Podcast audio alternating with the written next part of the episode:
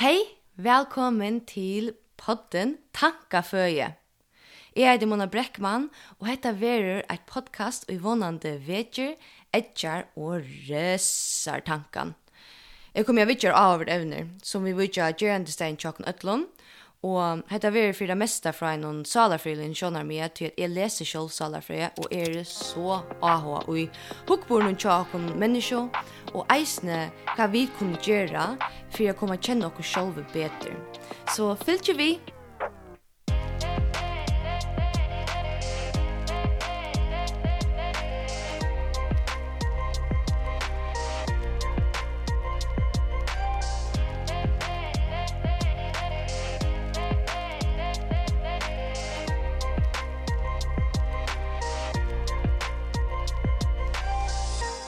Ok, hei, så var vi der endelig. Ah, første parster, jeg er Benjen, og jeg er spent, øyelig spent. Så faktisk er jeg spentjen. Nei, det det var vanligt, men... Um, Vonan takkar det vel imot til fyrsta parsten tog at i dag vil ta om de fem kærleiksmålene. Og at han har tilfæra vid lukkutjøkken nægra spurningar som tid har sett mer av Instagram og av Facebook.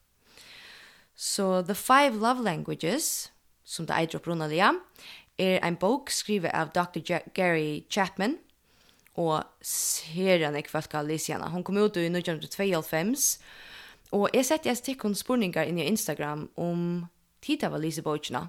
Og her vil de sagt at det var 50-50, 50% sier ja, og 50% sier nei. Men 95% som sier ja, våre kvinner så vet man det. Og her er vi ferdig inn i alt det der, så vil lykke si at du heter første parster, at jeg vire granskingar øyne, jeg er ferdig av mer fra popsaler fra, ja, poppsykologi, eller pseudo-psychology, som de kallar det. Uh, og jeg, jeg er ferdig mer til å lese granskingar, så utfra så går det for the five love languages vi har haft om det along i social uh, psychology och här var några kanningar gjorda men det var en granskning som kom mest på sig ur som säger att fem kärleksmannen hon till er det passar rättliga väl Men här skulle två vara kommen, eller ett att träd vara kommet till. Här är också som manglar. Men så vidare det är att um, Det er ikke 100% poppsykologi. Um, det er nok så etterfærende, og det er langt granska ui så let dem okkon bara leipa bant uta. Jeg les bokina sjolv for tutsjaren så og hon har hjulpet meg så rævliga negv. Ikke bare min egnu meka, men uh, eisene vi familie og vinon a skilja det bedre. Jeg vil øyla feien her at vi tuksa om, og mye en tid som går lustet just ned, er at vi tuksa mest om mekan.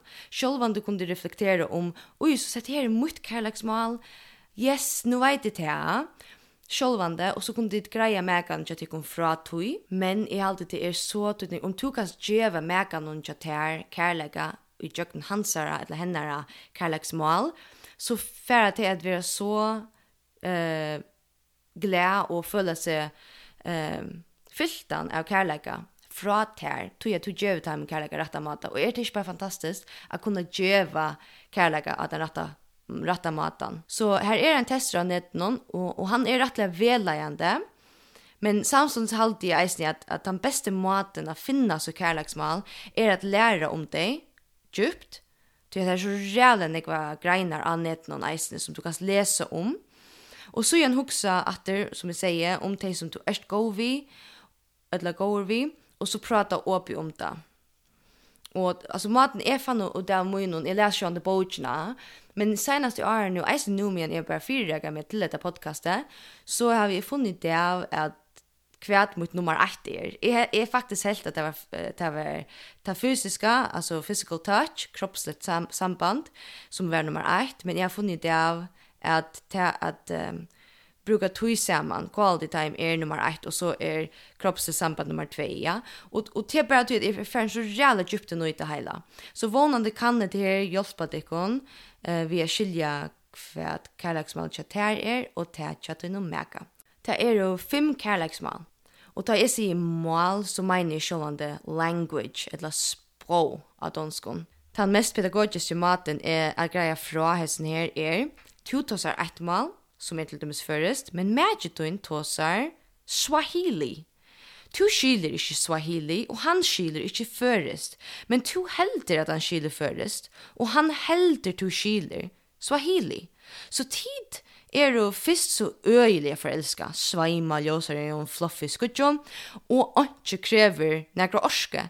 Tu vaknar vi orske, tu først i song vi orske, orskar nästan inte att klara nästan inte att äta ty du är så spänt eller spänt du du är så förälskad eller förälskad vi.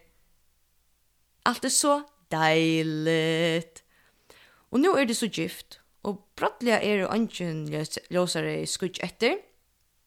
Och det är pura normalt annars och detta kan så ta som mer om i en öron podcast. Men verlagen är brottliga nu slin till.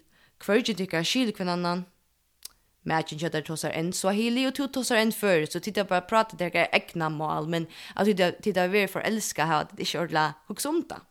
Det var super simpel fråga men ofta är vi så i orsök og vi meira sjålande, etter lenga tog, suttja og skilja folk ikkje kvite er samma langer, og færa så hver sin vi Anten fysiskt, vi er skiljast, etla mentalt, har folk byggva saman, men er bara roommates i stedet for er pær. De fem kærlagsmalene er i hese kroppsligt samband, physical touch av enskon, virkjennande år, words of affirmation, at bruka tui saman, quality time, hjelp samar gerir, acts of service, og gaver, gifts. Ta fyrsta, kroppsligt samband, Her er åpenbart plia nok som jeg mannfolk at sija, ok, jeg vei langt mot, Jeg prøver ikke få nega forklara. Det er 100% kroppsligt samband, physical touch. Ja. Men uh, det er eisen tog at uh, tar seg det heter kærleksvalen beste samband vi kinsitt samband. Og jeg sier mannfolk, det er bare tog at mannfolk er bare mer, så, så ser det bare. um, men kærleksvalen kroppsligt samband har øyne jeg mer å gjøre vi kroppslige nesting, og ikke bare uh, seksuella kroppslige nesting, men... Um, och självt om det är så är det och det må sies, eh, så är det inte allt. Så her er noen dømer. Da man där ta og imagine teker dina hand ta i det færre ut av bilen noen.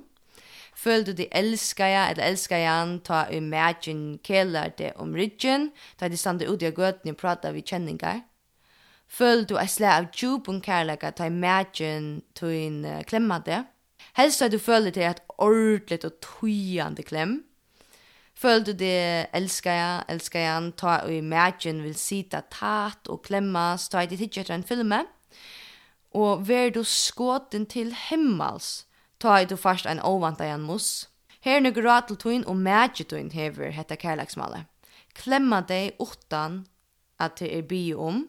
Klemma deg og til oppi 20. Ta fyrir gjøre under.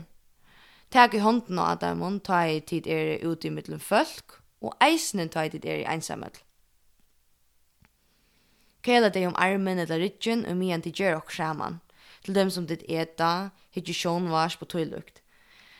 Hetta virkar ølja basalt kan man säga, men uh, om hetta er kærlagsmal til meka døgn, så hevur ta alt säga, altså öll neming, öll Så så ta om två är en som släcker över detta kärleksmål så ehm um, är det att to step up alltså och börja klämma sin med kläm komma öle länka vä. Men isen måste och ta man vara öle ordentligt, ta man vara autentisk sjön det isen ja. Nummer 2, vi är kännande år. Vi har hört at Jaren till mer enn åra, actions speak louder than words, og det kommer sættene. Men her er det ikke, det er ikke hesen for noen. Her har positiv, opplittende og rosende år alt att säga. Føl du det upplyttan ta match du säger jag älskar ta i to prick prick prick eller føl du det älskar han eller älskar jag ta og imagine rose där ta i tejer tacksom och sitta år att ta tacksamme. Karaktersmål vi kjennande år er det mest vanliga karaktersmål vi folk hava. Vi öll elskar til dem som får ros, men Tå er det nekve måter å vise sin mega kærlega vi virkinande åren. Så her er nøkker rad til tøyn og mætje tøyn hever hetta kærleksmale. Ikkje best årene ur munnen noen, men til dømes en ovanta opplyttande sms på hava nekva sida. Til dømes eisen jeg en gulan lepa til mekan ta etter vakna og tog til arbeids og, og sier hava en gåan det jeg elsker til. Litt mekan kjettar opp i åren og middelen tikkara viner og familie. Nevnt har styrker for dem, og ta i mætjen hever det ringt, skrua så super opp for positivon og rosande åren, mynd deg av i det er, og hvordan står han prøys du setter på det. Gjør dette til en vana. Om du er ein og ikke du så vel å bruke år, til dømes om du er en introvert, sette verla nyer, og, og hukse om hvordan du vil gjøre dette til en vana. Gjør deg en lista vid åren og setningen du kunne sagt eller skriva til mekan. Man kunne spørst, Men alltså är det så falskt om jag måste sätta mig nio och fyra med. Här vill jag säga att det att du är villig eller villig att bruka tog och på att bli en bättre match är en fantastisk avgör.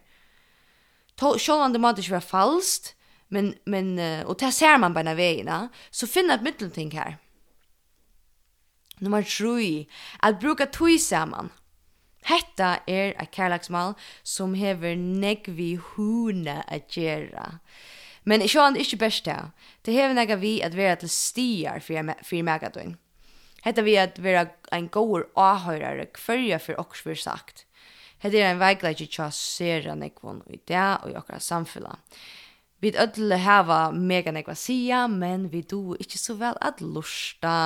Og det som vi ikkje do særlig vel eisne er at letja alt til suyes, uirokna okkara eko og, og lusta. Det at lusta fyrir skilja, og i stedet fyrir lusta fyrir at sværa, er en evner etter mynare meining vi öll kundu vera nekv betre til. Men om hette her er tutt kærlagsmal hever det alt a sia fyrir det. Du føler det mest elska ja, etla enn, ta imagine tuin lustar etter det her og ordla er til stier, spyr inntil tuin og degin tja der, Det er annars torrförst i det ta i töknen är framme for jokken atlan det är en showvarspe eller utvarspe kan være fra i bakgrunnene, men ein rinkervänne som flest har finnet senast i årene er at scrolla er at vera av telefonene, og i myan vid er i en er samrøve. Et som är här alltid hylte i kiksa, er man för utland kaffemån, og så setter man seg ner framför en person som man elskar, og så legger man telefonene av båret upp etter, og hver for telefonen får en notifikasjon, eller ringer, eller sms, eller et eller annet, så må man lykke hitja ned for jeg kanna. Og, og ta, altså, de flesta halda det bara normen ty om du hickar om du först utan en kafé och hickar efter barnen här så särskilt telefoner och öllum barnen. Alltså är halda det är superfräckt. Och är så det som beinleis viringar läst för er för person om man tar sig vi. Märker ett eller annar. Så radel tuin om uh, mætje tuin hever hetta kærleiksmann. Så her er noe radel tuin om hette her er kærleiksmann tja mæka tuin om. Egna kontakt. Det at stære inn i øynene mæka tuin um igjen til tåsa sendra tegjen om at du verlig lortar. Eisen er samskiftet du vet deg, at du legger ui hva det her sida. Ja, jeg veit at nek folk, som oftast vit kvinner, jeg er 100% en av timen, hava sera, sera nekv oppa hjärsta. Eit råd til teg og tåsa sera nekv er kanskje at hava imisk folk at tåsa vi. Til dømes halde er ikkje at det er fair at få mundigare kvarja einast fyrir et hos vi hju. Til dømes halde ikkje at det er fair at, at jeg fai mundigare kvarja einast fyrir et hos vi hju. Han er ja fytra lusta, men, men er eisen vero vi at det kan bliva strave. Heldigvis hever han eisen veldig ofta mundigere, så det, er super. så må vi bare bare til å lære lusta. Men uh, her har vi eisen mine ekte vinkoner, etla, etla skriver som oftast, uh, at hun tankar nye, så det er bra eisen. Men lusta eisen for å skilja, og ikke for å svære, sett spurningar som verle løyva mega døgnet for å endjupre inn i evne, så som, Olvara, og hvordan gjør du da vi tog? Etla, ok, hvor helt du at det er, eller, og hva sier du så? Eller, wow, hva fikk du til å gjøre det, og så framvis. Hugsa eisen her om gøskesjånd, ja. Ikke best tui saman, men, men hva tan tuien innebär. Vi har lett alt til suyes, sett det nye med megadun og sier, «Tu, kan du ikke prate?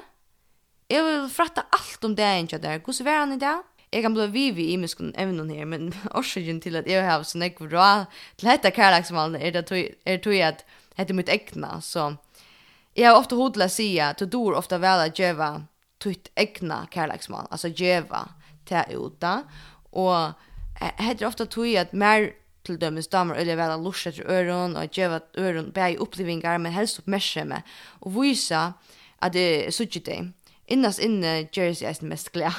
Ta i folk gjør det for meg, ja. Fyra, hjelpsammer gjerrer. Acts of service. Hetta kærleiksmale kan uh, greias fra i ein og setninge. Actions speak louder than words. Ok. Hente den nekran du, at tu blir ytler eller ytler innan mekan tog de ikkje har tidsi skrelli ut. Etla, tog de hava lagt av lesjen i varske og ikkje i oppvarsmaskina, Hvordan vi at du skjelder om sokkene og underbuksene av gulvene av vesene? Ok, det, det er jeg nok jeg skjelder om, men om det er hent for ofte. Men la dem komme vente du.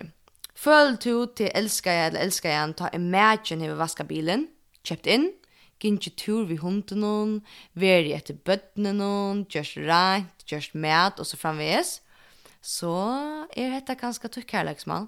Men om du er mega som er dette kærleksmål, er nu hetta nøkker rateltøyen. Legg mest til kvært mætje tøyn seg om at gjøre, tøy til gjøre det ofta. Gjør det så, uten at innskja negra virkjenning, tøy at om tøy alltid gjera okkurst, så er det bare oppa tøyina, og fyrir neien at tøy gjør eisen i okkurst fyrir tøy. Tøy hette det her kærleksmann, og hette gjør det så glede.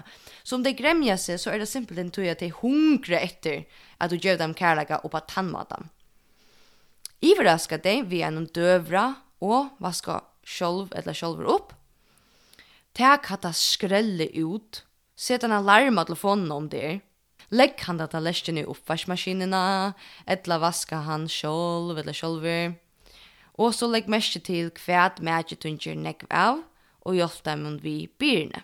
Nummer 5, gaver og ta sørsta kærleksmalet Hesefer. Hetta kærleksmalet er det sørsta, og heter eisen det sørsta av listan og tja nekvån folkene.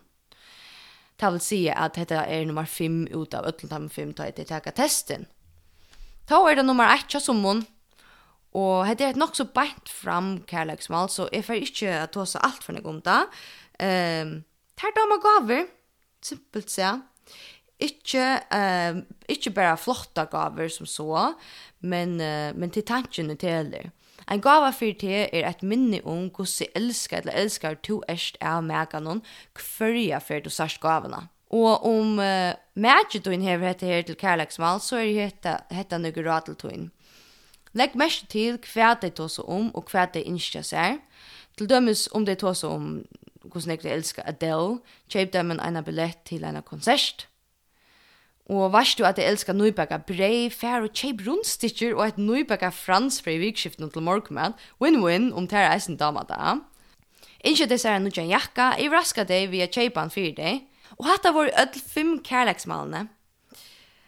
Et nøyga ting som jeg lukka vil nevna fyrir dikon eisen er til dømes um, at tutt nummer fem kærleksmal er ofta ta, ta ringasta, ta mest uh, torrførasta at læra Så til dømes mot nummer 5 er gaver. Ja? Og, og folk gjør meg ofte gaver. Og altså, gaver og seg selv om ting kan vi ikke rann ikke å si for meg. Uh, og jeg er glad og takk som å si tusen takk for gaver, men jeg har langt sagt ved det at jeg ikke vil hava gaver. Ja? Men selv om sier man takk, man får ikke blegge det vekk eller noe.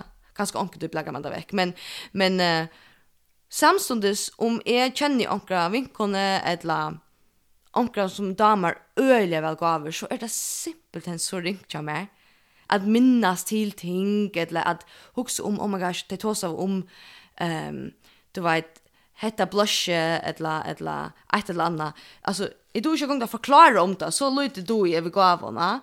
Så, så ta alltså till dömes är er klar om om du vill ha något vad hjärta och du vill dela något med mer så är det är till distant fus men det kommer att gå så du är själva så huxa om om du tar testen eller om du lustar i ett rätt listen film och så hade mot sista men du häver också som är tatt att där som häver det som nummer 1 Gusse, er du her? Det er vi nok skreget hørst om. Hinveien, om du hever en mega som er det samme kærleiksmål som du, så er det jävligt glattare.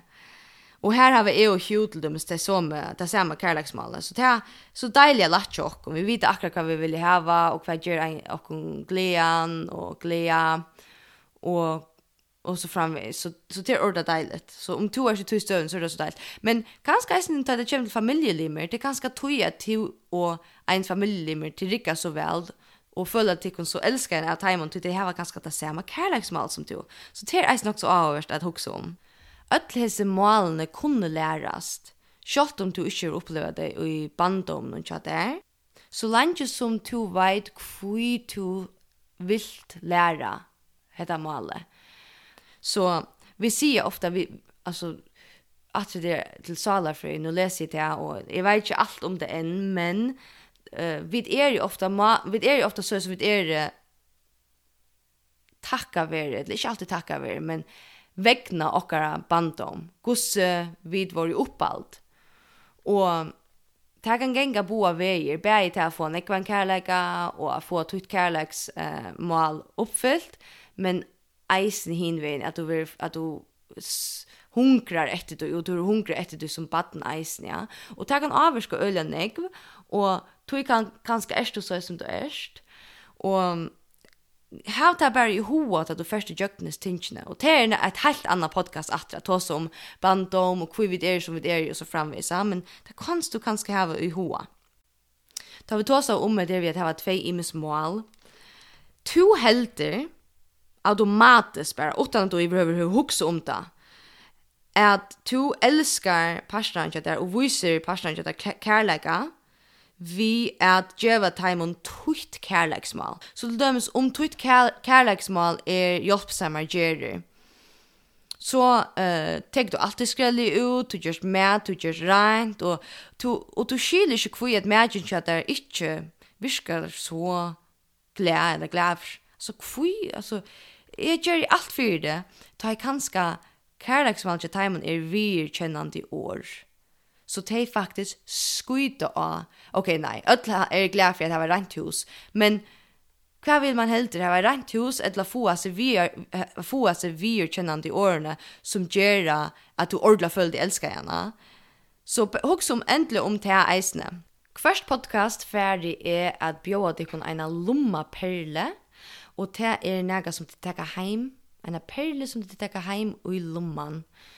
Og det er faktisk ofte en, en oppgave, heimarbeid til neste podcast. Og lommaperlen hesefer er set alarmer av telefonene som minner til å at oppfylle kærleiksmalet tja merka du noen.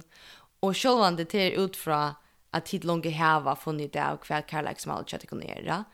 Men til det, sett alarmer av telefonen om det virkelig er så ringt. Jeg mener at det får gjøre under, og jeg er så spent at høyre fra tikkene hva til dømes den første vikene vi gjørst. For det første at det har funnet det av, oh my goodness, vi har tås av tvei imes mål, og i flere år, hva til hundan, endelig vet vi hva det er.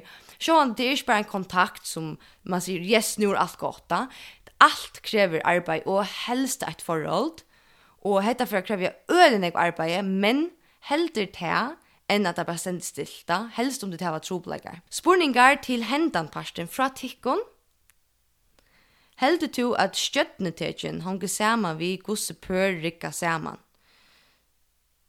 Nei. Er det stort av svære?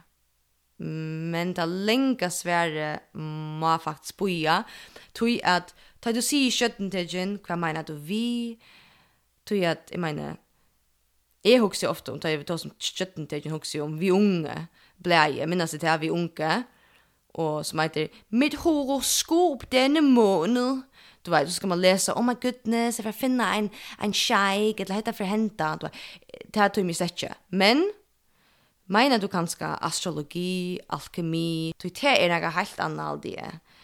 Uh, så langt det ikke om horoskop, men ta trygg vi at en nekva at du kan hava okkurs vi okkar ætbor a gjerra. Kanskje ikke akkurat forhold som men ja, ætbor. Og gos pørrykka saman, mm, det var alltid det vi ætbor a gjerra. Ha? Um, men jeg vet ikke om det er, så møvelig affæri i Egypri nye seg evne sjolv sættene, men som nu er sier nei, men det er sjående alt annet bakka du mente vi. Gos finner man gnisten atter, her man ikke best er uh, forelder, men eisne et pær. Mm, his nær spurningren krever nekk meir enn best nægra minutter i en podcast. Han krever sikkert et helt podcast, om ikke meira, men en god byrjan er at saman finna og dev kærleiksmal tjadikon. Byrja og, og tåsa om da. Og ikke bare einveis, men bare tvei. Og så er det eit som jeg har lise nekko om er, at presse dikken til at hava en date night eina for om vikene.